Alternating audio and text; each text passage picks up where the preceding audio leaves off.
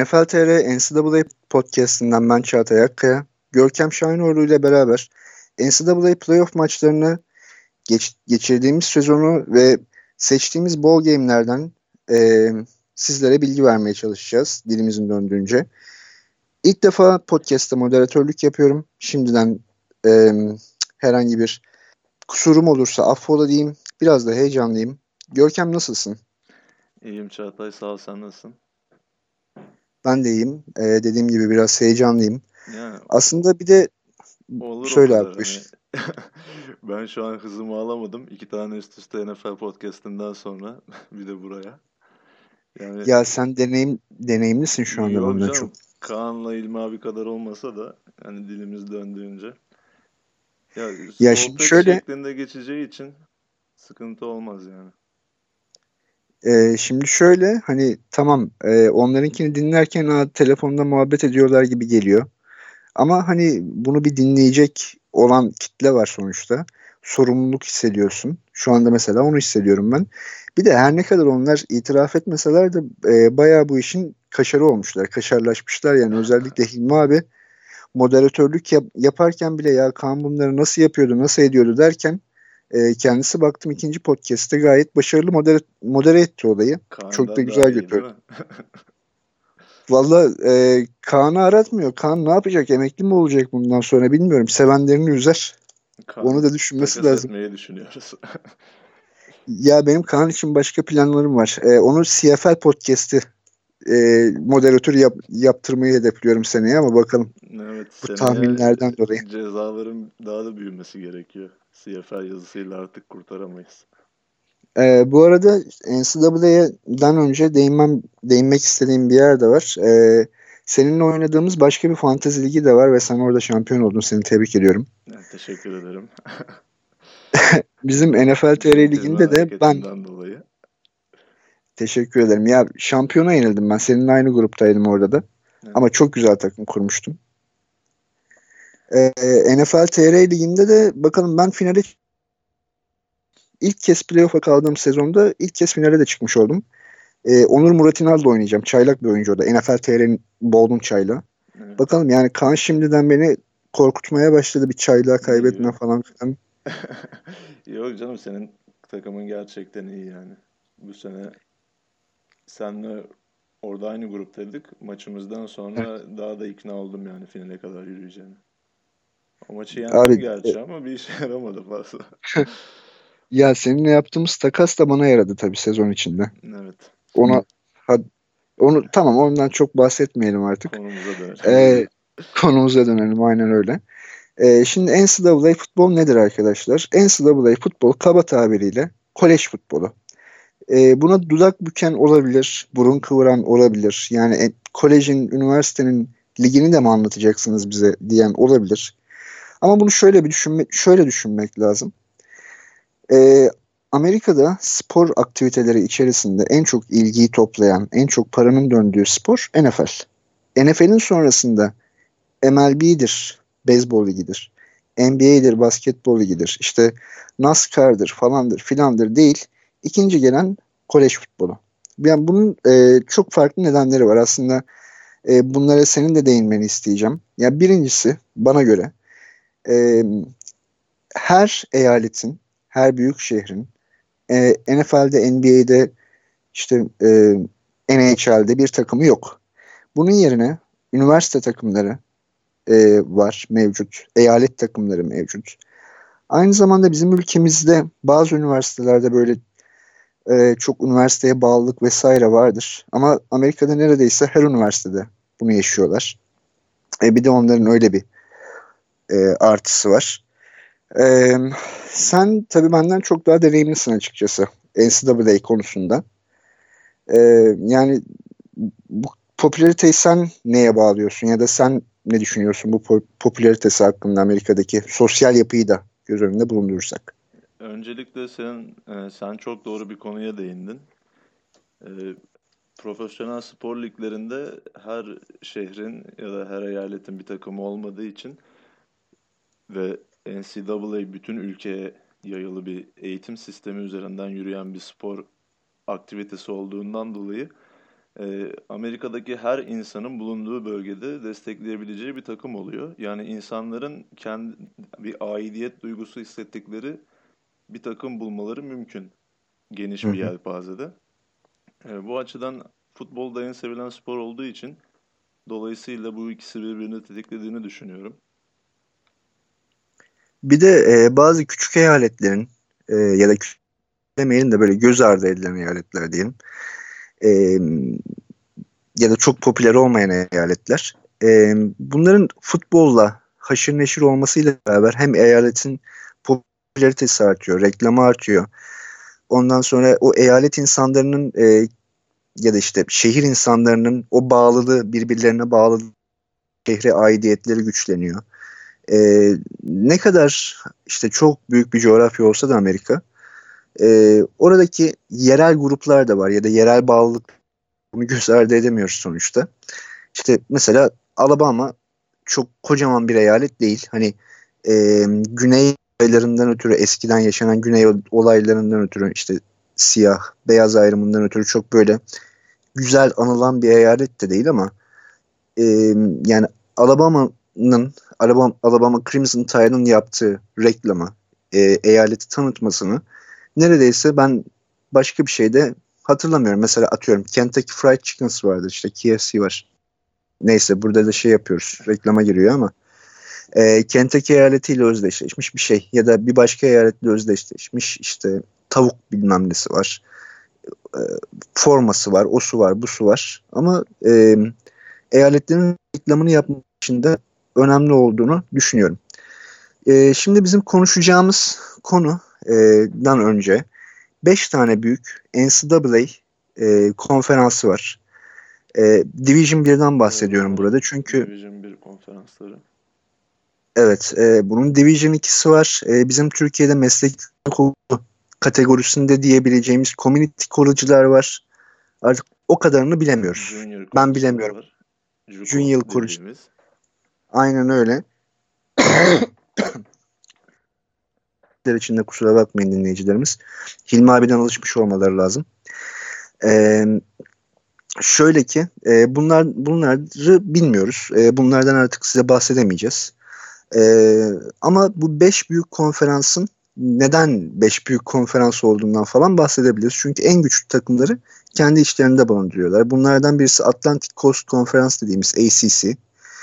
Bu e, işte Amerika'nın doğusunda kalan genelde takımları içeriyor. Nedir? Adından Florida State. Anlaşılacak. Gibi. Atlantik Okyanusu kıyısı. Aynen öyle. E, nedir işte Florida State'tir, Miami'sidir, e, North Carolina'sıdır. E, oradan Clemson, takımları içeriyor. Kentucky. Clemson evet onlar. Louisville de oradan olması gerekiyordu. Evet. Onun haricinde mesela Pac-12 var. Bu da tamamen Pasifik kısmını e, alan üniversitelerin takımlarını Batı içeriyor. Daha çok. Batı yakasından Kaliforniya, USC, UCLA, Stanford, Washington, işte Oregon gibi takımları e, kapsıyor. E, bunun yanında Big Ten var. Big Ten daha çok Michigan Nehri civarında yer alan takımları diye tabir edebileceğimiz bir bölge. Aynen öyle. E, oradan takımları içeriyor. Ohio State'idir, e, Michigan'ıdır, Michigan State'idir. E, sevip sevmediğimi hala karar veremediğim Illinois'idir. Nesini seveceğim onu da bilmiyorum da. 3-4 senedir izliyorum. Hiç sevilecek bir tarafları yok. Evlat olsa sevilmezler. İşte Hilmi abinin Purdue'sudur ki onunla alakalı soru sormuştu ama evet, Purdue ile ilgili birazdan bahsederiz. Tamam. Hilmi abinin Purdue'su e, buradan. Big 12 konferansı var. Bu hmm, nasıl diyeyim Texas eyaleti. Onun üstü olan işte Oklahoma eyaletinden Kansas'tan içeren e, bir konferans. Bir de e, ne var? SEC, South Eastern Conference. Doğru mu açtım? E, sürekli evet. Southern Eastern, Southern East Conference ya da öyle miydi? Evet, aynen. E, bu da en popüler konferansı. E, bir numaralı yani, konferansı desek yanılmış evet, olmayız herhalde. Yanılmış olmayız.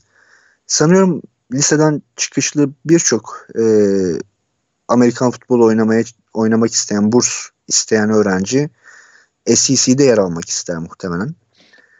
Yani profesyonel ee, seviyeye en yakın futbolun oynandığı konferans olarak biliniyor. Hani hı baktığımız zaman SEC konferansındaki çoğu hücumlar e, pro offense'a yakın. Yani genelde kolejde spread offense oynanıyor. Daha ee, evet. Şimdi bilmeyen biriymiş gibi sorayım ben sana. Ee, ilk kez dinliyor podcast'ı. O da bizim podcast'imize denk geldi. Yani Hilmi abiyle senin Hilmi abiyle Kaan'ın podcast'ına denk gelmedi.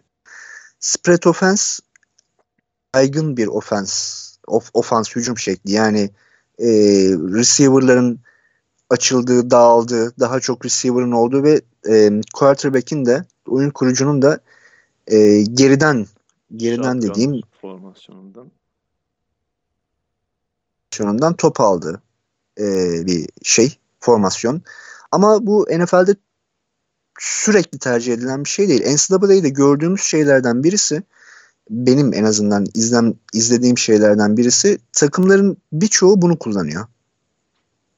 Evet, e, bunun nedenlerinden birisi e, rafine quarterback'in kolej liginde çok az bulunması. Yani liseden bir üst seviyeye, kolej seviyesine geçen oyun kurucular e, genelde bir birkaç yıllık eğitim sonunda bir pasör olarak gelişebiliyorlar.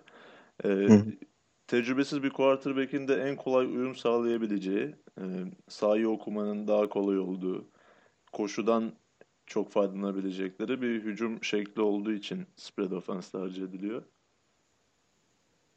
E, pro offense ise dediğin gibi quarterback'lerin biraz daha rafine o şekilleri için geçerli. Pro offense'i NCAA'de sürdürmek de çok kolay değil açıkçası. Evet. E, az önce senin söylediğin nedenlerden ötürü. Peki az önce sen e, liseden e, üniversiteye, koleje geçerken e, işte rafine oyuncuların az geldiğinden bahsetmiştin. Recruiting diye bir olay var. Bu recruiting Türkçe'de ayartmak desek yani doğru mu? Sözlük karşılığı aslında recruiting'in askeri almakla alakalı bir şey ama e, Öyle mi? Evet ama işte bu olaya tam bir Türkçe karşılığını ben yıllardır düşünüyorum. Hani hı hı. dinleyen seyircilerimizden de daha iyi bir karşılık bulabilenleri varsa bize bildirsinler. Hani ben açıkçası Türkçe bir karşılık aramayı bıraktım. Direkt recruiting ya da recruitment, recruit diye İngilizce halini kullanıyorum.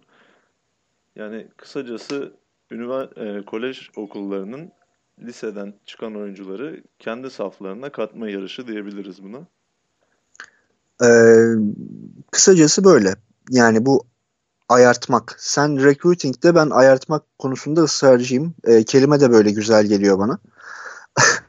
Ondan sonra e, şöyle ol, örneğin e, izleyicilerimiz Blind Side filmini izlediyse eğer orada Michael O'Haren e, NCAA'deki kariyerinden genel itibariyle ve öncesinden bahsediyor. E, Birçok ya da başka Amerikan futbolu ile ilgili film izlediklerinde üniversite yaşamından, kolejden bahsediliyorsa eğer e, işte ya da liseden çıkışta bahsediyorsa e, kişilerin, oyuncuların birçok üniversiteden böyle davet mektupları aldığı, ondan sonra evlerine koçların geldiği, koçların okulu onlara tanıttığı e, gibi sahnelerle karşılaşırlar. Bu aslında çok hayalcilik değil. Çok büyük e, yıldız potansiyeli taşıyan oyuncular için. E, haksız mıyım? E, şöyle ki e, oyun peki bu oyuncular e, nasıl nasıl şöyle diyelim bu oyuncular nasıl derecelendiriliyor acaba? Bunun içinde bir Şimdi, çok farklı site var aslında ama onlardan da lütfen şey, sen nasıl? En popülerleri Rivals.com ve ESPN. Ee. Bu iki kuruluşun 100 veya 150 kişilik bir top listeleri oluyor. Bunların dışında da oyunculara yıldız sistemiyle notlar veriliyor. Yani şöyle en iyi oyuncular highly recruitment denen hani herkesin peşinde koştuğu oyuncular 5 yıldız. En iyiden en kötüye doğru 5 4 3 2 1 şeklinde gidiyor ki hani en böyle 3 yıldızdan 5 yıldıza kadar olanlar genelde en popülerler ve e, bursu kapanlar oluyor. Yani ben az önce sana sorduğum zaman ya da söylediğim zaman Illinois'u nasıl seveyim e, diye Illinois'un ilk zamanlarında NCAA ile haşır neşir olmaya çalıştığım zamanlarda bakıyordum 3 yıldızlı 3 tane oyuncu almış 4 yıldızlı bir tane oyuncu yok 5 yıldız verilen bir Ha şöyle bir durum var. E, o yıldızlar tabii ki oyuncuların derecelendirilmesi açısından çok önemli. Gel gelelim e, oyuncunun nasıl evrileceği hiç belli olmuyor bunun yanında. Evet bu tamamen e, liseden üniversiteye geçiş zamanındaki potansiyeline verilen bir derece aslında. Yani mesela hı hı. bir örnek vermek gerekirse J.J. Watt e, üniversiteye geçeceği zaman 3 e, star yani 3 yıldızlı bir oyuncuydu. Ama geldiği noktada şu an NFL'in en iyi savunma oyuncusu konumunda. Aynen öyle. Yani, yani bu C... sistemin de yaptığı hatalar oluyor. Tamamen mükemmel bir sistem değil. Bu zaten e, oynadığı takıma göre, aldığı role göre e, potansiyel göre işte oyuncunun fiziksel durumuna göre birçok şeye göre değişkenler veriliyor ama zaten NFL draftında da aynı sorun olmuyor mu? Yani ilk bir, birinci sıradan oyuncuyu seçebilirsin ama hiçbir şey çıkmayabilir. Evet ee, yani kesinlikle yüzde yüz emin olunacak bir sistem yok. Hem NFL draftında hem de NCAA'deki recruitment olayında. Yani o yüzden yüz, yani yüzde otuzu yüzde kırkı falan şans diyelim. Aynen öyle ki NCAA'deki o recruitment olayında e, eyalet içerisinde ya da eyaletin yakın yerlerindeki oyunculara böyle nasıl söyleyeyim e, yavşanıyor. Ya, ya, yok yavşanıyor olmadı da. Yani daha çok onlara ayart... ilgi duyuluyor. Heh, daha çok onlara ilgi duyuluyor. Yavşanıyor sözcüğünden kusura bakmasın seyircilerimiz. Ondan sonra e, bu işte diyelim ki e, en kutuda kalan Washington'a çıkan oyuncu tabii ki SCS, SSC'de ya da Florida'ya da gidebilir e, ACC'de ama daha çok e, ona yakın ilgi gösteren işte USC olur, UCLA olur, Oregon olur zaten dib, burnunun dibinde yer alan yer. E, hatta oyuncuların e, birçok oyuncu var bir kere high school'dan çıkan, liseden çıkan. E, oyuncuların hangi takıma yakın olduğu, hangi takıma sıcak hissettikleri, soğuk hissettikleri, hangi takımın kampüsüne kaç kez gittikleri konusunda bile böyle haber yapan, bunu takip eden bir sürü yer bulabilirsiniz aslında. Oyuncuyu izlemeye başlamak, daha önceden liseden, üniversiteden, kolej kariyerinden görüp NFL'de başarılı olduğu zaman ya da işte başarısız olduğu zaman bir hikaye bulmak çok daha keyifli bir şey aslında. Ee, kolej futbolunun izlenmesinin nedenlerinden birisi de uzakta olan benim için en bu. Ee, bundan sonra şeye geçeceğim. Ee, şimdi NCAA Division 1'de ki e, ismini karıştırıyorum bunların. FCS miydi? FBS, FBS miydi bizim izlediğimiz? Ee, hangisiydi Görkem? FBS. FBS. Heh, tamam FBS. Ee, FBS konferansın FBS kısmında e, takımların sıralaması nasıl oluyor? Ya da takımlar neye göre final oynuyor? Neye göre playoff'a kalıyor? Evet. diye sor diye şimdi, soracaklardır. Şimdi bu e, playoff olayı yeni bir sistem olduğu için o tamamen farklı. Önce onu bir kenarıya koyalım. E, normalde bu takımların kendi konferansları ve grupları dışarı, dışında bir genel sıralamaları oluyor. Bu da e, Associated Press'in her hafta düzenli olarak e, çıkardığı bir anket sonucu belli oluyor. Yani şöyle, e, ilk 25 takıma numaralar veriliyor. En iyi takım doğal olarak bir numarayı alıyor. 25 takım arasında en kötüsü 25'i, diğerleri de e, bu sıralamaya giremiyorlar. Bu takımların performanslarına göre e, yazarlar tarafından ve koçlar tarafından oluşturulan bir liste. Hı hı. Ee, bu Associated Press'in listesi. Bu Associated Press'in listesinden sonra Ee, bir de Playoff Rankings, Playoff Rankings geliyor. Bu NCAA haftasının 8. 9. haftası gibi ilk versiyonu yayınlanıyor Playoff Rankings'in. Playoff Rankings'i hazırlayan bir komite var. Ee, bu komitede işte eski oyuncudan eski koça e, ya da hali hazırdaki baş koçu olmasa da bir takımın atletik direktörü diyorlar. E, yardımcı koçuna.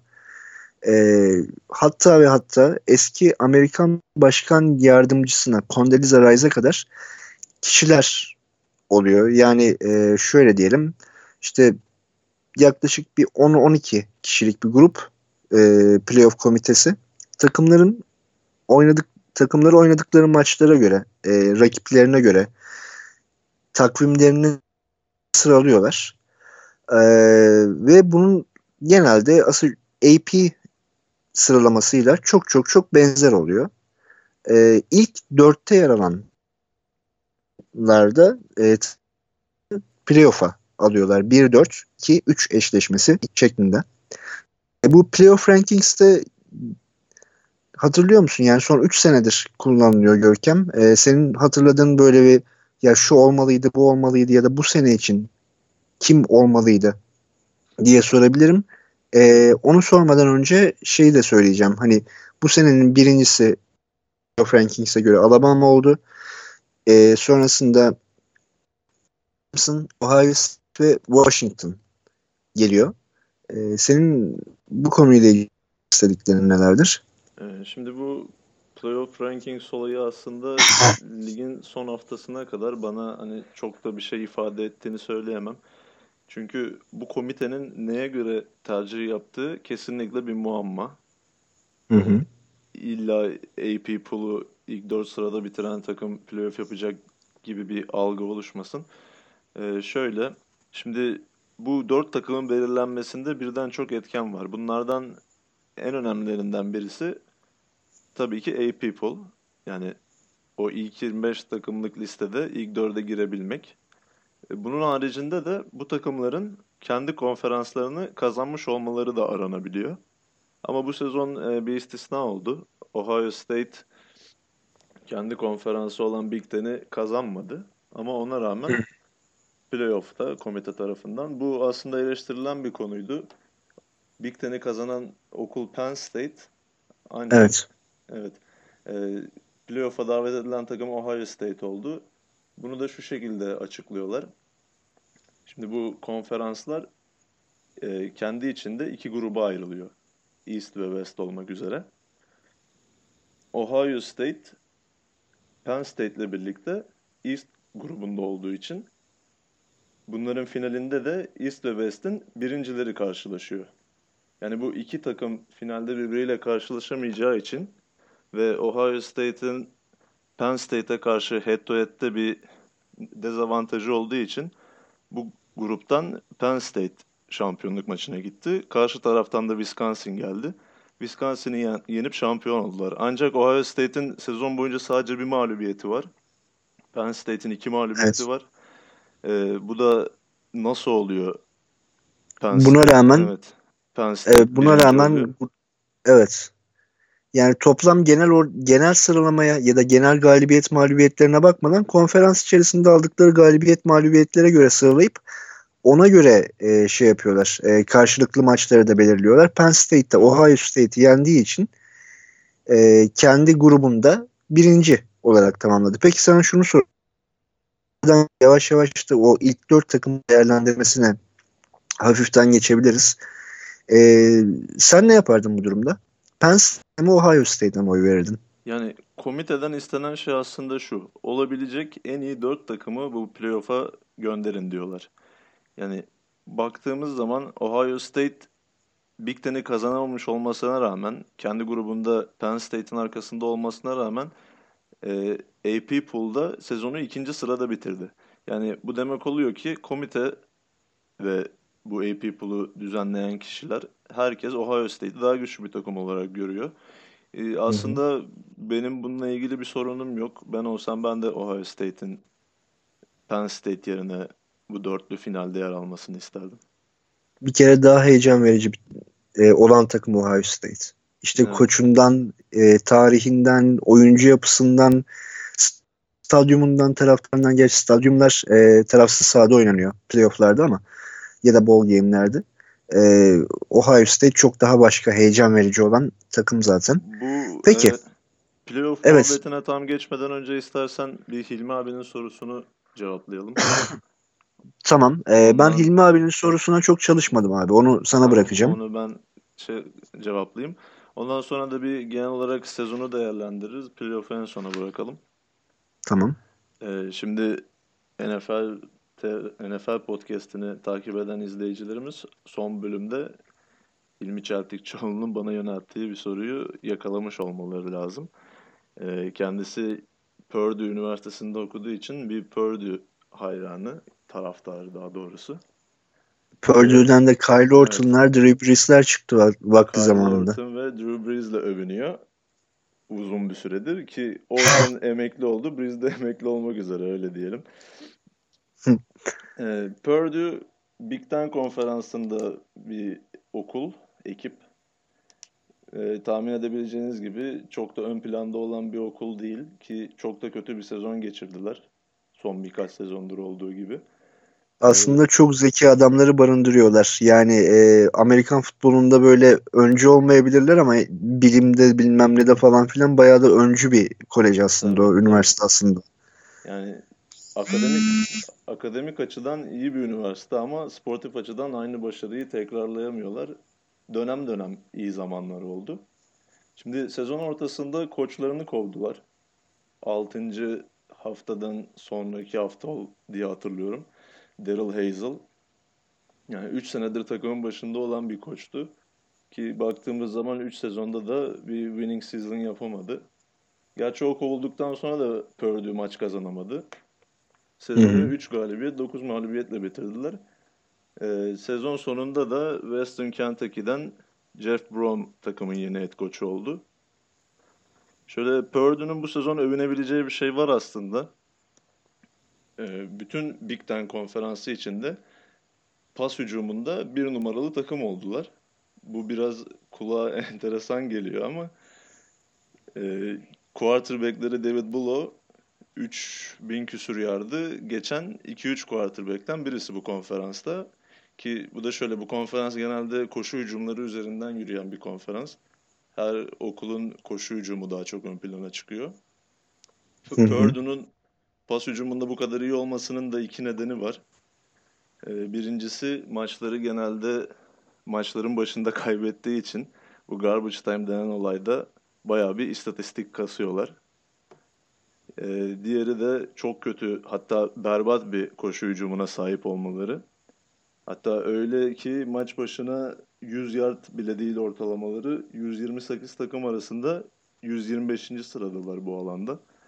Yani çok kötü bir koşu hücumları olduğu için tek boyutlu bir hücum gösterdiler sezon boyunca. Yani yeniden bir rebuilding aşamasına girecekler. İlmi abiye fazla umutlanmamasını söylüyorum. Purdue'dan Hilmi- birkaç sene daha bir şey çıkacağı yok.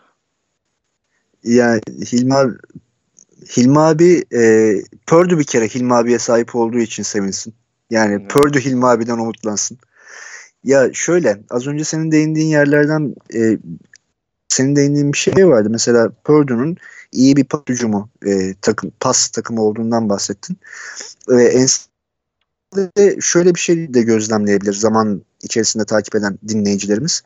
E, bazı takımlar bazı hmm, pozisyonlarda oyunun bazı e, yerlerinde çok e, profesyonelleşebiliyorlar. Ya profesyonelleşebiliyorlar da yanlış tabir ama bunlar o işle anlıyorlar. Mesela Alabama'nın running back'leri.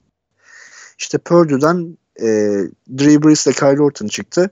Oraya bir düşebilir gibi.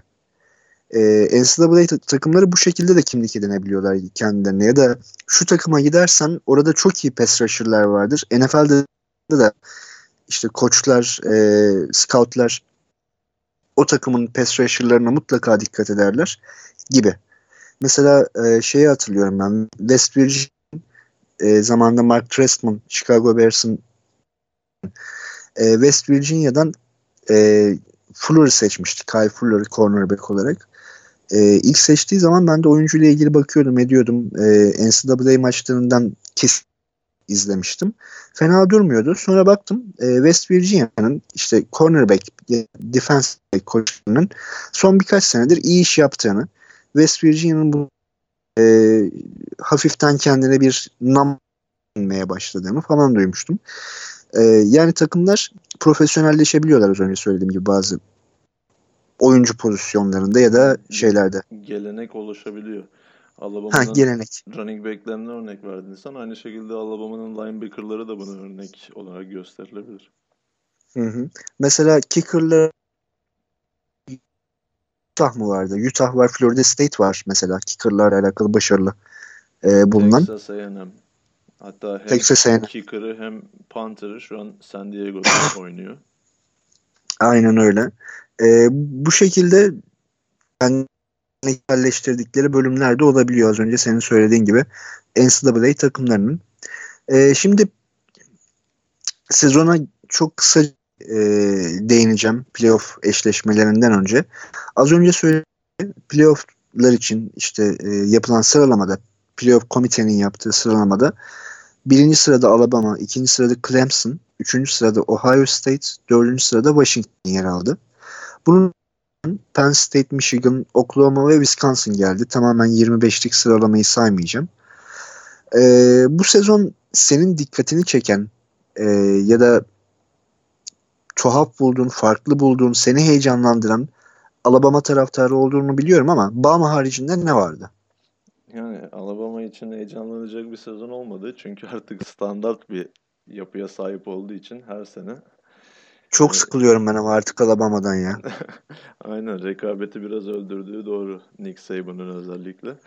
Evet. Alabama için şunu söyleyebilirim kısaca. Ee, geçen sezondan tek farkı bu sezon maç yenilmediler. Geçen sene bir kere yenilmişlerdi Ole Miss'e.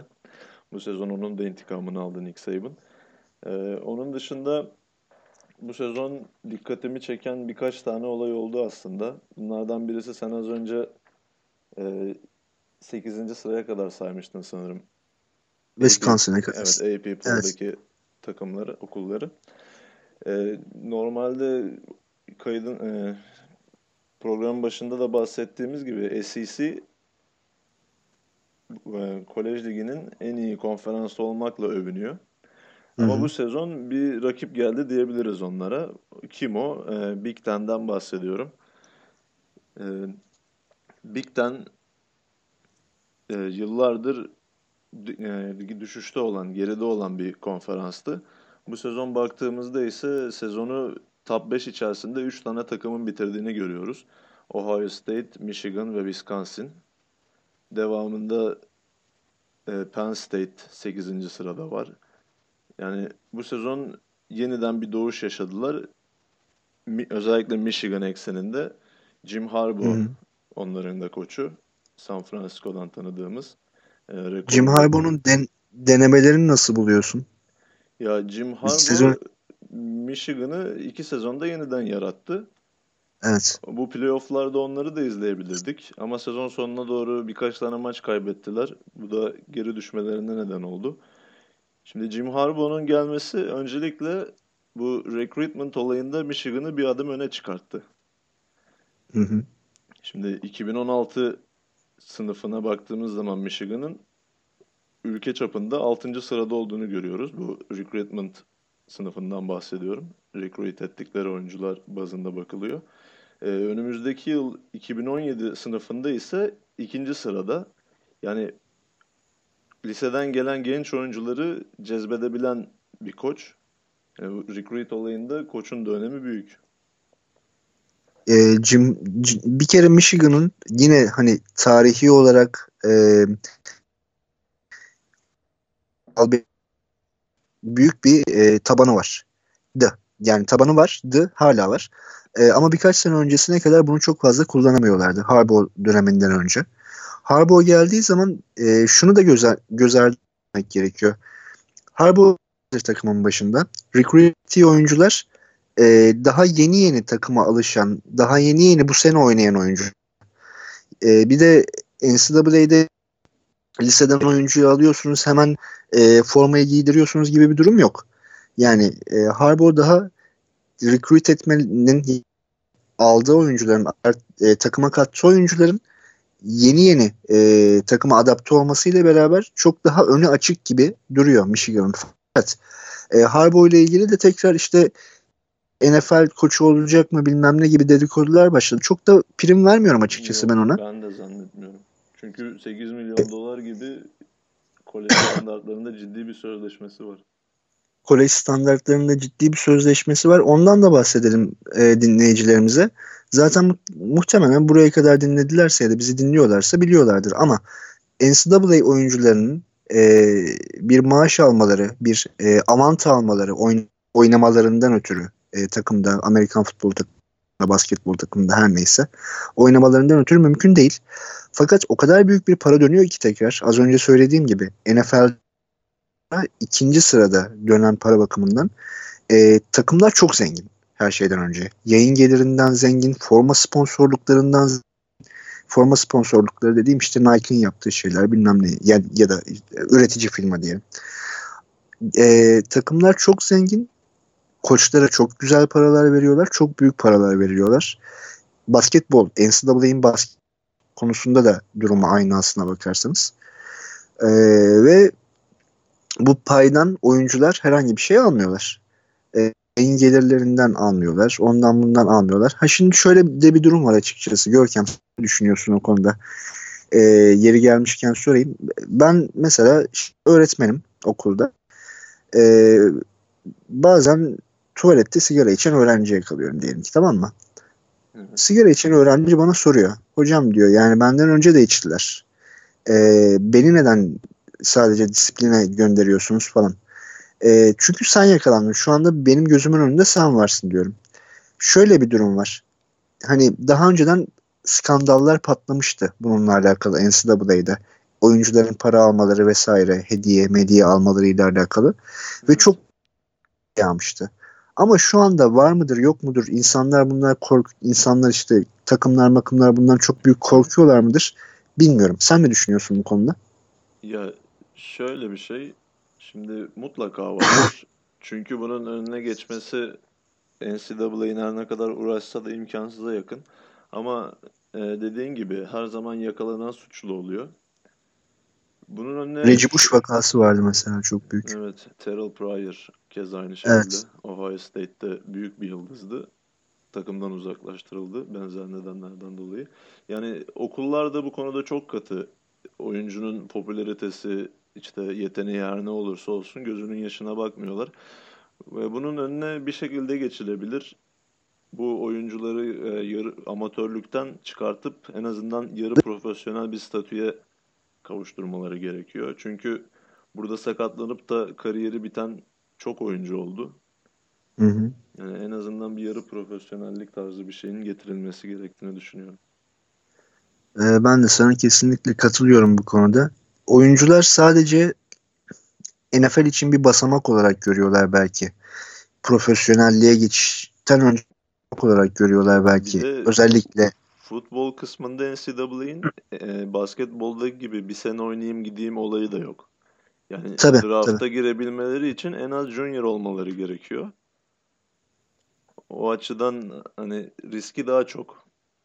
ya bu da kayıt yaptırdığın üniversiteye 3 sene sonrasında demek. Evet. Ee, o yüzden dediğin gibi riski çok sakatlanma riskleri var. Bunun yanında e, çok e, recruit, recruit ederken dahi zaman zaman bazı avantaların avantalarını sağlandığını aslında düş muhtemeldir diye düşünüyorum. Hani belki bu de Türkiye topraklarında doğduğum için düşünüyorum. Hani bizde öyle olur, avantajsız olur mu bu iş falan filan diye düşünüyorum ama e, yine de küçük imtiyazlar tanınabilecek, tanınabildiğini e, tahmin ediyorum açıkçası. Öyle diyeyim. Evet. Ee, şimdi sezonun bu kısa değerlendirmesi sezonun hakkın, hakkında bahsettiğin bir şey var mı ayrıca? Ee, son olarak bir tane de okuldan bahsetmek istiyorum. Bir Cinderella hikayesi olarak. E, genelde kolej sezonlarında bu Power 5 dediğimiz 5 güçlü konferansın takımlarının domine ettiğine şahit oluyoruz. E, ancak bu sezon öyle bir takım çıktı ki yani bu basketbol kısmında NCAA'nin Mart turnuvasında bir Cinderella hikayesi olur her sezon neredeyse.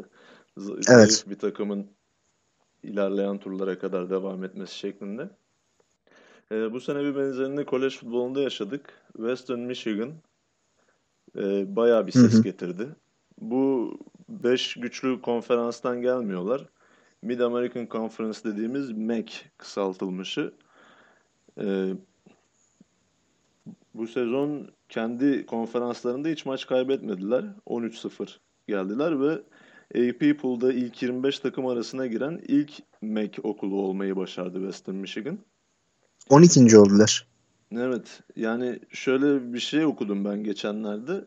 Şimdi bu kolej playoff'unun genişletilmesi tartışılıyor. 4 takımdan 8 takıma çıkartılması şeklinde.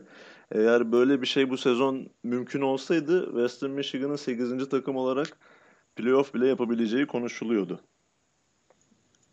Evet. Yani bu evet. Bir tane de koçları var. Çok e, enteresan da bir hikayesi var. Ondan da kısaca. E, PJ Fleck Western Michigan'ın koçu. İlk geldiği zaman kendi okulunun kampüsünde dolaşırken arabasında sürekli e, Western Michigan ürünleri taşıyormuş. Yani tişört olur, forma olur, şapka olur, işte hatıra eşyalar olur. Bu tarz şeyler taşıyormuş. Bunun nedeni de Western Michigan'ın kendi kampüsünde bile öğrencilerin e, bölgenin diğer okulları olan Michigan State, e, Michigan, Notre Dame formaları, tişörtleri giymesi. Yani ilk geldiği zaman buradaki bir kültürü değiştirmeyi amaçlamış Fleck. Hatta söylentiye göre bir gün kendi üstündeki tişörtü bile çıkartıp hediye etmiş. Yani her farklı okulun ürününü giyen öğrenciye sürekli bir şeyleri hediye etmiş. Ee, buradaki kültürü de değiştirdiğini düşünüyorum.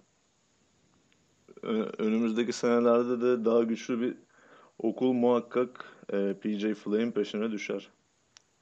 Ya zaten böyle hikayelerle seviliyor. Yani NCAA futbolu da ben böyle hikayelerle seviyorum. Geçtiğimiz sene buna benzeyen Houston vardı mesela. Ee, onun şu hemen bu sene nereye gitti? Tam olarak da hatırlamıyorum ama evet. sen hatırlıyor musun onu? Evet. Texas'a gitti. İstediği yerde orası orasıydı zaten. Ya, Harmon o zaten orada asistan koç olarak başlamıştı kariyerini. Hı hı. Ee, Houston'da birkaç sezon görev yaptıktan sonra yuvasına geri döndü. Yani Texas da önümüzdeki sezonlarda dikkat edilmesi gereken takımlardan birisi bence. Ki son yıllarını çok acı çekerek geçiriyorlar. Hiç e, şeye yakışmayarak yakışmayarak çok acılı sezonlar izletiyorlar yani, takipçilerine. The Express diye bir film var. Amerikan evet. futboluyla alakalı. Sen de izlemişsindir. Orada geçen bir söz yani benim sürekli aklımda bir yer edinmiştir. Şöyle diyor. E, Texas'ta futbol bir din gibidir. Yani futbolun en çok sevildiği bölge Amerika'da genelde güney kısımları. Texas'ta da bu ilgi çok aşırı bir düzeyde. Yani Texas'ta köklü ve geçmişi olan bir okul eski günlerine dönmesini isterim. Ee, ki Longhorse, Texas Longhorse bahsettiğimiz takım da bu en büyük lokomotiflerinden biri idi özellikle. Ama Western Michigan'la ilgili anlattığın hikaye çok güzel bir hikayeydi. Onlar da Bowl Game'de e, Wisconsin'le oynayacaklarmış. Cotton Bowl'da. Evet. E, pazartesi pazartesiyi salıya bağlayan gece diyelim. E, bakalım o maçı da e, bir merakla be- beklerim artık ben. Bu anlattığın hikayeden sonra. İzleyeceksen ya da izlemeyi düşünenler varsa bir tane de oyuncu söyleyeyim Western Michigan'dan. E, wide receiver'ları Corey Davis, senior kendisi. Bu sene drafta da girecek. Draft'ın da önemli wide receiver potansiyellerinden birisi. Ona da bir dikkat edersiniz. Ona da bir bakıyoruz o zaman Corey Davis'e. Evet. Ee, sezonla alakalı kısaca böyle geçtik. Ee, şimdi playoff eşleşmelerine ve iki tane seçtiğimiz e, ball game'e değineceğiz. İki tane seçtiğimiz ball game'i e, yüksek e, ne derler renkten, e, yüksek sıralardan olan eşleşmelerden seçmeye çalışmıştım. Bir tanesi Rose Bowl. E, USC ile Penn State karşılaşacak. E, az önce bahsettiğim gibi Penn State kendi konferansında lead, lider ve şampiyon olarak çıktı. Wisconsin'e de karşı konferanstan yenerek e, şampiyon olarak tamamlamıştı. Bunun yanında USC de Pac-12'te e, Washington'ın arkasından e, sezonu kapattı. Bizim Kaan Özaydın'ın şanssızlığı var. E, USC geçen sene çok kötüydü. Bu sene geçen seneye göre daha iyi durumda. E, UCLA geçen sene iyi durumdaydı. E, bu sene USC'den daha kötü. Yani Kaan nereye giderse oranın takımı dibe doğru gidiyor. E, bunu bu bakımdan da e, kendisi teessüplerimi sunuyorum. Kaliforniya'daki takımları batırdın kan. E, Los Rams'i aldın oraya. O da çok kötü durumda gidiyor. Her neyse. E, Rose Bowl maçını oynayacaklar. E, bu Rose Bowl maçının oynandığı stadyum e, çok bilindik bir yer. E, Kaan da oraya, orada maç hatta geçen anlatmıştı. E, Pasadena miydi unutamadı. Evet. Ha, e, bulunduğu yerin adı. E, Pasadena'da tam olarak ismini de çıkaramadım da Rose Bowl Stadyum değildi de. Neydi o? E, sen biraz ha, Rose Bowl Stadyum'du. Evet, Doğru. Rose, Rose Bowl Stadyum. E, Pasadena'daki Rose Bowl Stadyum'da oynayacaklar. Bunun yanında e, diğer e, bahsedilebilir dediğimiz maçta e, hangisiydi o? Bir saniye. Rankings'tan tekrar bir bakıyorum. Aa, Michigan maçıydı. Michigan State maçı olması gerekiyor. Bir saniye. Evet Michigan Florida State maçı. Michigan'dan az önce zaten sen konuşurken biraz boyla birlikte çok farklı bir hüviyete kavuştular ama bu sezon içerisinde Ohio State'e kaybetmeleri onları playoff ranking, playoff sıralamasından itti. Yani ilk dördün dışında bıraktı. Evet sezonda ee, o, en iyi maçlarından birisiydi yani. Çok güzel bir maç olmuştu. Zaten bir de Michigan'da böyle tuhaf freak adamlar var. Ee, şey olarak, atletizm olarak falan. Jabril Peppers bunlardan birisi ve drafta girecek. Başarılı olması bekleniyor. Ee, sırf Jabril Peppers'ı izlemek için arada Michigan'a baktığım oluyor. Ee, ve onlar da Florida State ile karşılaşacaklar. Florida State de ACC'nin e, en yukarısında yer alan takımdı. E, fakat çok da iyi bir se- sezon geçirdikleri söylenemez. Kendi standartlarına göre veya kendilerinin alıştığı göre. E, onların da Orange Bowl maçı olacak. E, sadece bu iki maçla alakalı örneğin Michigan State, Florida, Michigan Florida State maçıyla alakalı söyleyeceğin, ekleyeceğin herhangi bir şey var mı? Ee, isim olarak çok şey vaat eden bir maç öncelikle. Hı hı. Ama dediğin gibi Florida State bir geçiş dönemi yaşıyor. Ee, Birçok yıldızlarını NFL'e kaptırdı ki yolda olan birkaç tanesi daha var. Şimdi okula yeni katılanlarla yavaş yavaş tecrübe edinmeye başlayanların yeniden bir harmanlanması gerekiyor. Yani Kolejlerde genelde bu tarz dönemler olabiliyor. Ee, çok iyi bir koça sahip Florida State, Jimbo Fisher. Jimbo Fisher. Evet. Birkaç sezon içerisinde yeniden ayağa kaldıracaktır. Ama bu maçta benim favori gördüğüm takım Michigan. Ee, son sezon sonuna doğru biraz düşüşe geçmiş olsalar da çok iyi bir defansları var her şeyden. Evet. Ligin en iyi defansı bu sene Alabama ile birlikte. Sadece birkaç kategoride ayrılıyorlar. Yani Florida State'in de hücum tarafında Dalvin Cook harici running back'lere Dalvin Cook haricinde pek bir silahının olmaması e, Michigan'ı daha galibiyete yakın taraf olarak görmemi sağlıyor.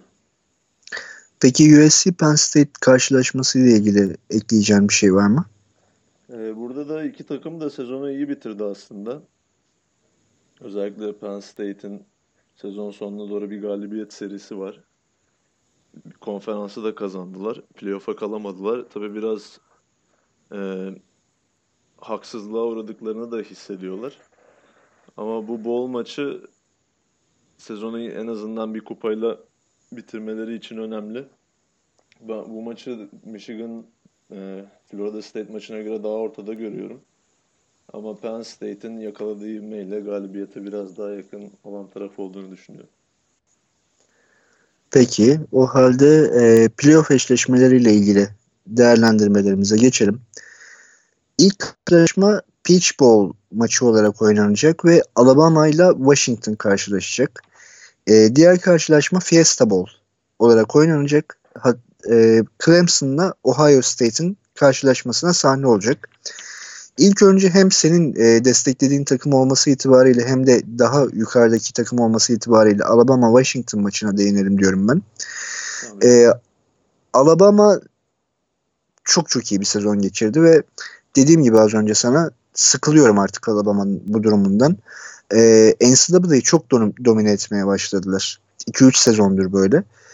Ee, Ohio State'e NCAA playoff'ları başladığı ilk sezon Ohio State'e bir maç kaybetmişlerdi. Cardell Jones o zaman Ohio State'in e, başındaydı. Ya da onlar mı kaybetmişti ben mi yanlış hatırlıyorum? Evet, evet doğru. Onlar kaybetti. ilk playoff'un yani ilk yapılan playoff'un şampiyonu zaten. Evet. Cardale Jones'lu, Ezekiel Elliott'lı, Michael Thomas'lı, Joey Bosalı efsane kadro diyebiliriz. Bu Aynen öyle. Şu an NFL'de yıldız olma yolunda devam ediyorlar. Ve e, Alabama işte o günden beri playoff'u kafaya takmış gibi duruyor. Zaten 3 senedir olan NCAA playoff'larına 3. senedir katılan tek yani üst üste 3 senedir katılan katılmayı başaran tek takım. Nedir Alabama'nın özelliği? Öncelikle Nick Saban. Ee, bunun yanında koşu oyunuyla çok dediğim gibi bilinen bir takımdı şimdiye kadar. İnanılmaz bir defansları var. Pass rusher'ları, linebacker'ları hepsi çok iyi durumda ve e, sezon içerisinde yanlış hatırlamıyorsam 7 ya da 8 maç üst üste defans touchdown'u yapmayı başaran bir defansları vardı. Yani rakibe zaten nefes aldırmıyorlar. Rakibe zaten birinci hakkı vermiyorlar. Bunun yanında bir de defans touchdownlarıyla maçı zaten kazanabiliyorlar ama e, ben başından önce bakmıştım. Maç başına kazanma marjinleri yani attığı ve yediği sayı diyelim. E, yediği ve kaydettiği sayı arasındaki fark 28,5 sayıydı. Çok çok rahat bir sezon götürdüler. Fakat Alabama'da bu sene farklı bir durum var. O da bir QB. Yani Alabama QB'leriyle çok meşhur bir yer değil. Evet. E, istersen bu QB'den sen bahset. Yani Alabama'nın genel çizgisi dışında bir şey yaşandı bu sezon. Hatta daha doğrusu Nick Saban'ın diyelim. Ee, quarterback'leri bir freshman, Jalen Hurts. Ve bu e, Saban'ın kolej kariyeri boyunca yönettiği okullar arasında starter olarak oynattığı ilk ve tek freshman QB. Aslında e, sezona starter olarak Blake Barnett ile başlamışlardı. O da ikinci sezonunu geçiriyor bir sophomore. Ancak e, ikinci ya da üçüncü maçta olması lazım. Süre paylaştırmaya başladı Hurst ve Barnett arasında. Sonuç olarak formayı kazanan Hurst oldu. E, senin de dediğin gibi Alabama'nın en önemli hücum tarafına baktığımız zaman en önemli özelliği koşan bir takım olması. Yani aslında profesyonel bir hücum sistemi işletiyorlardı bu seneye kadar. Bu sene de öyle ama biraz esneklik kattılar buna. Genelde quarterback'lerinin e, pass first quarterback olduğunu alışkınız. Hurst burada bu seriyi çizgiyi değiştiriyor. Ee, dediğim gibi mobilitesi çok yüksek bir oyuncu. Ve ilginçtir ki geçen sezon Derrick Henry'nin bütün koşu rekorlarını kırdığı, Heisman Trophy'yi kazandığı sezona rağmen bu seneki Alabama takımının koşu hücumu geçen seneye göre daha efektif ve daha güçlü gözüküyor. E, bunu da şuna bağlayabiliriz. 500 yardın üzerinde bu sezon koşan 4 tane oyuncuları var. Birisi quarterback'leri Hurts olmak üzere. Diğerleri running back'ler. Yani hı hı. Çok domine eden oyunu her iki scrimmage line'da da domine eden ve hücumda da genelde koşarak kazanan bir takım. Ee, savunmaya baktığımız zaman Nick Saban'ın elin yani Alabama'da sahip olduğu en iyi savunmanın bu savunma olduğunu söylüyorlar. ki bana kalırsa da öyle. Gerek pass rush olsun gerek coverage olsun bütün fazlarında savunmanın çok etkili bir ekibe sahipler. Ee, savunmanın yaptığı touchdownlardan bahsetmiştin sen. Şöyle bir istatistik var. Alabama savunması sezon boyunca sadece 14 tane touchdown'a izin vermiş. Bunun yanında da 10 tane kendilerinin ürettiği bir touchdown sayısı var. Bu gerçekten inanılmaz bir rakam yani. Hem ya, 14 Jonathan, verilmesi 10 tane de yapmaları. Jonathan Allen, Tim Williams, Ryan Anderson yani e, fiziksel olarak da oyun bilgisi olarak da gerçekten gerçekten çok freak durumunda olan oyuncuları var Alabama'nın defansta. bu saydığın 3 pass rusher zaten takımın en önemli 3 pass rusher'ı. E, aynen öyle ve e, Washington QB'si Jake Blowing'in işi de o kadar kolay olmayacak. E, yani şöyle bir durum vardı Jake Blowing ile alakalı. E, Washington'a geçmiş ol, olayım bur- buradan da ben. Jake Blowing'in ten e, 20 yard ve üzeri paslarda Jake Blowing'in touchdown sayısından kolejde sadece 6 tane oyuncu daha fazla touchdown kaydedebilmiş. Yani e, deep pass'leri kuvvetli bir oyuncu. E, ve bunun yanında az interception atmış bu deep pass'lerde ki genelde riskan taraf budur. E, ve Washington'ın iyi bir secondary'si var. Fakat Washington'ın iyi bir secondary'sinin olması e, Alabama'nın çok da umursayacağı bir şey değil gibi geliyor bana. Çünkü Alabama secondary ile değil de hani daha çok line oyuncularıyla karşılaşacak koşudan ötürü aynı zamanda e, QB'si Hurst'un koşusundan e, ve mobili, mobilitesinden ötürü e, ve yani onlara ters bir eşleşme sağlayacak gibi gelmiyor bana. E, geçtiğimiz sene Alabama yarı final dediğimiz playoff'un yarı finalinde Michigan State'i eze eze yenmişti. E, o kadar yüksek bir fark beklemiyorum belki ama hani 38-0 mıydı neydi 36-0 mıydı? O kadar yüksek bir fark beklemiyorum belki ama gene de farklı olacak gibi geliyor bana maç. Sen ne bu düşünüyorsun bu maçlarla? Maçla alakalı iki tane kritik eşleşme olacak. Ee, birincisi Washington offensive line'ının Alabama savunma çizgisini ne kadar e, tutabileceği ya da engelleyebileceği. Bu sezon bunu evet. başaran bir takım olmadı. Dolayısıyla Washington'ın başarmasını beklemiyoruz. Ee, onun dışında Washington'ın çok etkili iki tane wide receiver'ı var. John Ross ve Dante Pettis olmak üzere. Evet. Bu ikisinin e, Alabama secondary'sine karşı göstereceği performans da çok önemli. E, mutlaka boş anlar yakalayacaklar, kendilerini boşa çıkartabilecekler ama işte burada yine Alabama'nın savunma çizgisine geleceğiz. Alabama'nın pass rush'ı Jake Browning'in bu boşa çıkan receiver'larını bulmasına ne kadar süre verecek ya da imkan tanıyacak. O da bir muamma. Yani burada ağır bir şekilde favori olan taraf Alabama. Jake Browning'in de zaten bu sezon iki tane maçta çok zorlandığını gördük. Bu iki maçta Washington'ın oynadığı en önemli maçlardı. Birisi USC maçı sezon içerisinde o maçı kaybettiler. Diğeri de e, Pac-12 şampiyonluk maçında Colorado ile oynadılar. Jake Browning evet. yine kötü oynamasına rağmen bu sefer kazanmışlardı. Ee, Washington Alabama maçı hakkında ikimiz de benzer düşünceler sahibiz. Alabama'nın çok daha fazla e, baskın tarafı olduğu zaten belli ve muhtemelen herhangi bir kaza bela yaşamazlarsa adlarını finale yazdıracaklar. Bunun yanında diğer karşılaşmamız daha yakın geçmesi beklenen maç e, açıkçası Ohio State ile Clemson arasında. Ohio State ile Clemson maçı biraz Deshaun Watson'la JT, GT Barrett'ın karşılıklı düellosuna da sahne olabilir. Ee, Ohio State takım savunma açısından da çok iyi bir takım ee, ve bana göre daha baskın gelen takım. Bir kere Urban Meyer benim çok sevdiğim bir koç. Ee, bunun yanı fakat Ohio State'in şöyle de bir dezavantajı var. Geçtiğimiz sene neredeyse bütün bir e, mezun takımını draftta seçtirdiler teker teker. Hı, Yanlış hatırlamıyorsam. Evet 12 ya da 13 tane oyuncusu seçildi ve çok yeni yeni oyuncular da var takımda. Ee, böyle bir sorunları var. Burada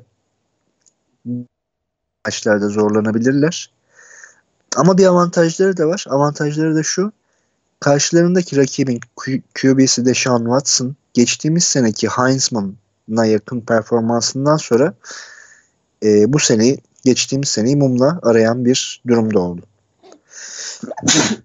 Özür dilerim bu hastalıkla alakalı dinleyicilerimizden. Senden de Görkem. Ee, istersen bu maçla ilgili düşüncelerini paylaş bizlerle. Evet, e, açıkçası Alabama-Washington maçındansa bu maç beni daha çok heyecanlandırıyor diyebilirim. Çünkü gayet ortada olan bir karşılaşma olduğunu düşünüyorum. Ohio State e, dediğin gibi geçtiğimiz sezon draftta takımın yarısını neredeyse kaybetti. Ama ona rağmen ellerinde yine şampiyonluğa oynayabilecek kalibrede bir kadro olduğunu düşünüyorum. Ee, hücum tarafında Ohio State'in tamamıyla J.T. Barrett'ın performansına bağlı olduğunu düşünüyorum. Ee, şöyle ki Ohio State ilk playoff'ların ilk senesinde şampiyonluğa giderken aslında bu takımın quarterback'i J.T. Barrett'tı. Ancak sezon sonuna doğru e, sakatlandığından dolayı bir daha sahaya çıkamadı. Cardale Jones hatta çok kısa 3 ya da 4 maç olması lazım o sezon oynadığı. Formayı kaptı. Şampiyonluğa kadar götürmüş o takımı. E, Barrett freshman sezonunda çok e, bir şeyler vadeden bir quarterback'ti. Gerek pas yeteneği gerek koşu yeteneği olsun. Ancak geldiğimiz şu noktada pas yeteneği tartışılır bir durumda. Çünkü kendisini beklenen düzeyde geliştiremedi. Ben de aynı şekilde düşünüyorum. Hı hı. Ee, bir de offensive line'da sıkıntılar yaşıyor Ohio State. Yani sezonun en önemli maçlarında kendileri açısından güçlü rakiplere karşı oynadıkları bir Michigan maçında mesela 8 kere seklendi J.T. Barrett. Yine divizyon e, konferanslarının güçlü takımı Penn State'e karşı da 6 kez seklenmişti. E, bu maçta belirleyici bir unsur olabilir. Clemson tarafına baktığımız zaman bu dört takım içerisinde hücum takımının en sağlam takım olduğunu düşündüğüm ekip Clemson aslında. E, çünkü geçen sezon final oynadıkları takımdan neredeyse bütün anahtar hücum oyuncuları hala takımda. Quarterback Deshaun Watson olsun, running back'leri Wayne Gallman, wide receiver'lar Dion Kane, Artavis Scott ve geçen sene sakatlığı nedeniyle kaçıran takımın önemli hücum silahı Mike Williams olsun. Yani en çok silah ve opsiyona sahip takım burada Clemson hücum tarafında. Ancak e, sen de biraz bahsettin. Deshaun Watson geçen seneye göre biraz düşüş yaşadı. E, bu düşüşünün büyük kısmını da koşu oyununda yaşadı. Geçen seneki kadar çok koşmuyor ve koşu yardları neredeyse yarı yarıya düşmüş durumda. E, bir de bu sezon çok top kaybetti. Clemson takım olarak çok top kaybetti. Deshaun Watson da buna büyük bir katkı sağladı. Peki bu maçla ilgili görüşün nedir? Ee, kim kazanmaya daha yakın duruyor? Senin gözünden. Bu maçın e, kazananını Clemson wide receiver'ları ile Ohio State secondary'sinin eşleşmesinin galibinin belirleyeceğini düşünüyorum. E, Ohio State'in iyi bir defansı var. Bunu da büyük oranda secondary'e borçlular. İki tane çok etkili cornerback'leri var. Marshall Latimore ve Gary Conley olmak üzere. Bir de Malik Hooker e, çok etkili bir free safety. Sahanın ortasında hani her an maçın gidişatını değiştirebilecek yetenekte.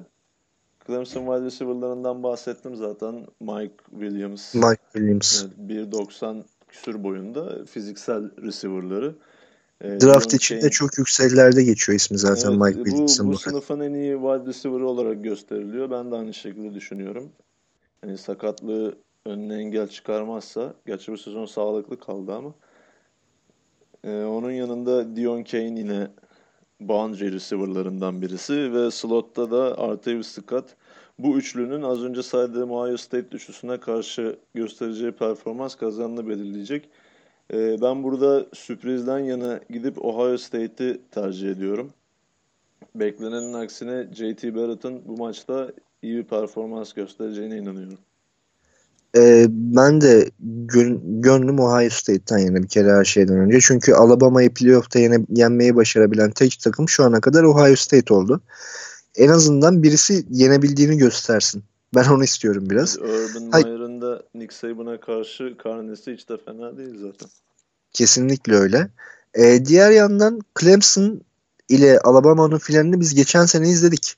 Ve çok da skorlu, e, heyecanlı da bir final izledik. Keyifli bir maçtı. Çok keyifli bir maçtı. Fakat e, geçen seneki Deshaun Watson ile dediğim gibi bu seneki Deshaun Watson arasında dağlar kadar da fark var. Gözümde.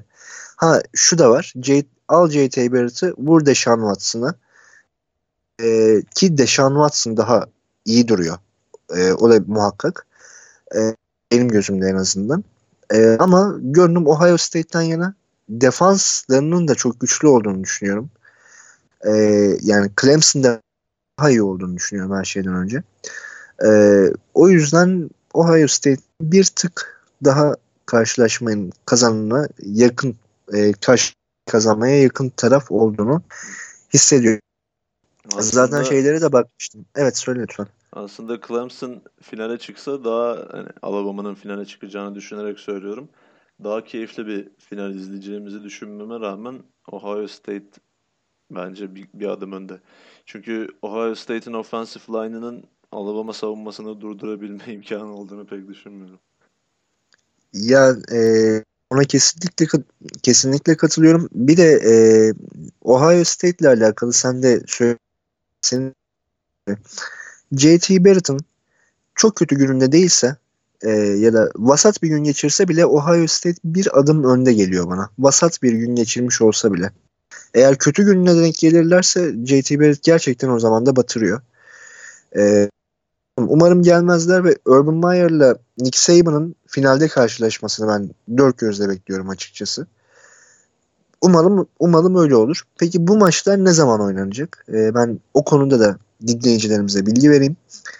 Yılbaşı gecesi cumartesi e, akşamı oluyor. Cumartesi akşamı yılbaşından bir saat önce yani saat 23'te Washington Alabama maçı başlayacak. Peach Bowl. Sonrasında cumartesiyi pazara bağlayan gece saat 03'te Ohio State Clemson maçı olacak. Bu maçların galibi de 9 Ocak'ta yani 9 Ocak bize 10 Ocak'a bağlayan gece olacak tabi. 9 Ocak'ta e, NCAA playoff'unun final karşılaşmasında karşılaşacaklar. E, sen muhtemelen ki ben de öyle aslında Alabama'yı şampiyonluğa yakın yakın görüyor olmalısın diye düşünüyorum. Hem de biraz desteklediğin için. Hem o yüzden hem de bu sezon boyunca Alabama'nın rakip hani karşılaştığı rakiplere veya karşılaşmadığı rakiplere baktığımız zaman yani Alabama'yı yenebilecek kalibrede de bir takım ben göremedim. Ki bununla alakalı Yahoo Sports'un e, kolej editörü Pat Forde Hugh Freeze ile konuşuyor. Hugh Freeze kimdir? Ole, Ole Miss'in koçu ve son zamanda Alabama'yı birden fazla kez yenmiş tek insan. Yani ona şöyle soruyor. E, Alabama'yı yenmek için ne gerekiyor? Verdiği ilk cevap bunun pek mümkün olduğunu düşünmüyorum. Çok da haksız sayılmaz. Yani, Kesinlikle sayılmaz. Evet. Yani sad Evet söylesen. Sadece taraftar gözünden değil yani e, destekleyen gözünden değil azıcık futbol seven, oyunu seven birisi bile yani Alabama bu işi rahat götürür ya falan der. Yani neye benzeteyim bilemiyorum ama hani e, böyle çok domino, dominant olduğu zamanların New England Patriots'ına falan benzetiyor ama benzetebilirim ama o Patriots'ın karşısına Giants çıkmıştı mesela vakti zamanında. Çıkacak mı karşısına birisi? tek maçta onu göreceğiz. Evet onu göreceğiz. Ya Alabama'nın gerçekten NFL standartlarında bir savunması var. E, NCAA quarterbacklerinin veya hücumlarının NFL seviyesinden çok aşağıda olduğundan bahsetmiştik.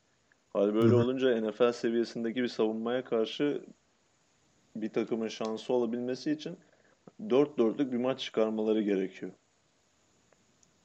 Ya e, çok, çok dediğin gibi çok çok iyi bir savunması var. Pass rush'ı çok çok yerinde ve e, bu pass rush'taki özellikle o Jonathan Allen e, gerçi mesela Chicago Bears bu sene muhtemelen ilk üç içerisinde seçecek. Ben de Bears taraftarıyım. O Jonathan Allen'a gözümü diktim yani. QB falan istemiyorum. Zaten QB sınıfı çok da iyi bir sınıf gelmiyor belli ki. Çok iyi bir değil. Hatta vasat bir sınıf geliyor. Keşke o Jonathan Allen Bears'ın kucağına düşse diye düşünüyorum ama bakalım ne olacak. Tabii Draft zamanına kadar çok var. İlk, ilk üç içinde gider mi? Yani ilk üç biraz zor ama ilk beş ya ilk onda kesin seçileceğini düşünüyorum. İlk beş olabilir. Jonathan Allen geçen sene drafta girmekten son dakikada mı vazgeçmişti? Öyle bir şey hatırlıyorum sanki. Evet evet. Jonathan Allen öyle... geçen sezon girmesini bekliyordu herkes. Aishan Robinson ve Jayron Reed üçlüsü evet. üçlü olarak. Ki Alabama'nın savunma line'ının üçlüsü oydu geçen sene. Üçünün birden girmesi ve hatta üçünün birden ilk turda seçilmesi bekleniyordu. Nitekim bunlardan hiçbiri gerçek olmadı. İlk olarak Jonathan Allen drafta girmedi. Ee, hem Aishan Robinson hem de Jaron Reed ikinci tura düştüler. Ama Jonathan Allen bu üçlü arasında zaten en komple savunma oyuncusu olarak dikkat çekiyordu ve de en iyisi. Yani ben ilk 5'te seçileceğini düşünüyorum.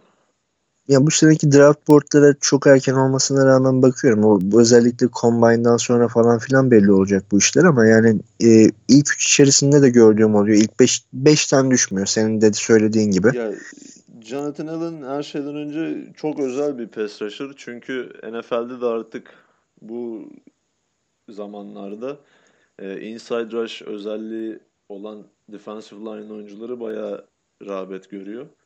E, Jonathan Allen da hem fiziksel olarak hem de teknik olarak bu özellikte bir oyuncu. Yani birçok takımın da bu oyuncu tarzında yatırım yaptığını biliyoruz. O yüzden ben pek ihtimal vermiyorum ilk 5 dışına düşmesine. Ee, playoff eşleşmelerini de böylece konuşmuş olduk. Ee, daha önceden seninle konuştuğumuz konulardan son bir tane kalan var. O da Heisman Trophy kazanan, Heisman'ı kazanan Lamar Jackson.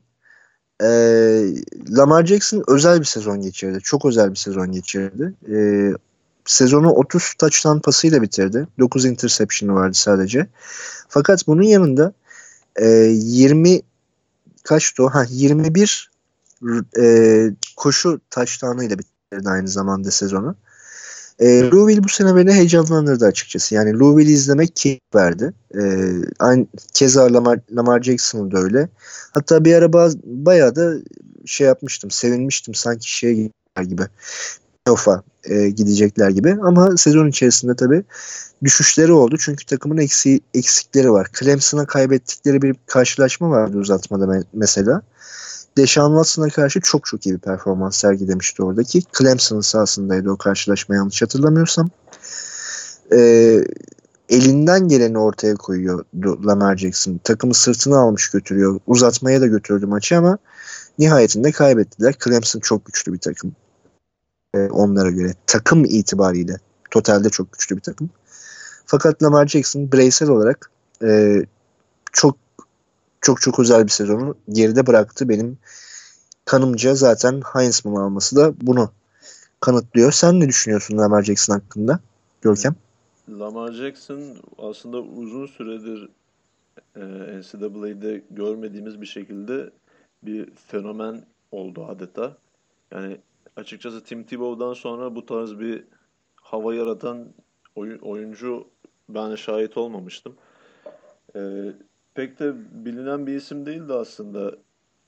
Kendisi bir sophomore. Geçen sezon freshman'dı. Pek ortalarda yoktu. Ee, sezonun açılış maçında da 8 toplamda 8 taştan yaparak bir Hı-hı. anda manşetlere çıktı. Ee, üçüncü haftada Florida State'i yendi Louisville. Florida State gibi güçlü bir rakibe karşı e, 216 pas yardı, 146 koşu yardı ve toplam 5 taştan yaparak artık e, kolej futbolunun yeni starı benim diye herkese ilan etmişti bile zaten. E, dediğin gibi sezonu 30 pas 21 koşu taştanıyla toplamda 51 taştanla bitirdi.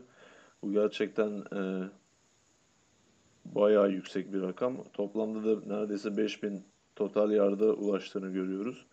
Yani Heisman trofiyi kazanması tartışma dışıydı artık. En evet. yakın rakibi Deshaun Watson'dı ama oylara baktığımız zaman bayağı bir fark attığını görüyoruz. Yani kasıp kavurdu resmen Amerika'yı.